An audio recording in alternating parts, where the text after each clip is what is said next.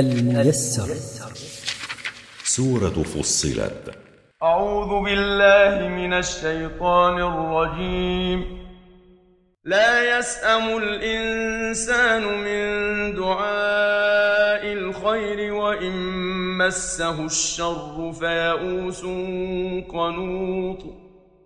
لا يمل الإنسان من طلب الصحة والمال والولد وغير ذلك من النعم. وإن أصابه فقر أو مرض ونحو ذلك فهو كثير اليأس والقنوط من رحمة الله.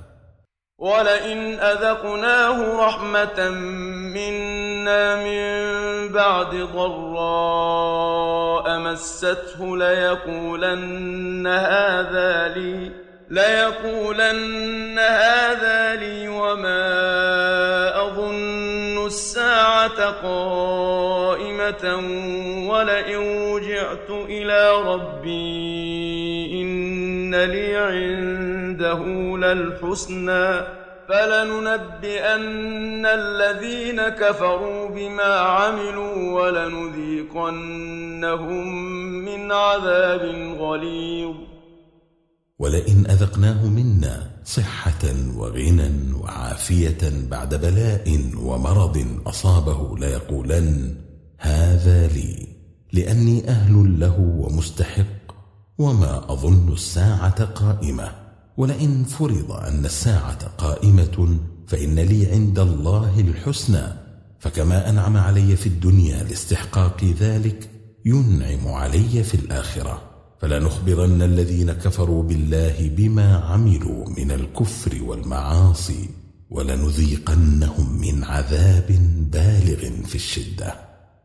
وإذا أنعمنا على الإنسان أعرض ونأى بجانبه وإذا مسه الشر فذو دعاء عريض. وإذا أنعمنا على الإنسان بنعمة الصحة والعافية ونحوها غفل عن ذكر الله وطاعته وأعرض بجانبه تكبرا. وإذا مسه مرض وفقر ونحوه فهو ذو دعاء لله كثير. يشكو إليه ما مسه منه ليكشفه عنه فهو لا يشكر ربه إذا أنعم عليه ولا يصبر على بلائه إذا ابتلاه. قل ارايتم ان كان من عند الله ثم كفرتم به من اضل ممن هو في شقاق بعيد قل ايها الرسول لهؤلاء المشركين المكذبين أخبروني إن كان هذا القرآن من عند الله ثم كفرتم به وكذبتموه فكيف سيكون حالكم؟ ومن أضل ممن هو في عناد للحق مع ظهوره ووضوح حجته وقوتها. سنريهم آياتنا في الآفاق وفي أنفسهم حتى يتبين لهم أنه الحق. أولم يكف بربك أنه على كل شيء شهيد؟ سنريهم آياتنا في السماوات وفي الأرض ونريهم آياتنا في الأنفس حتى يتضح لهم بما يرفع الشك أن هذا القرآن هو الحق الذي لا مرية فيه.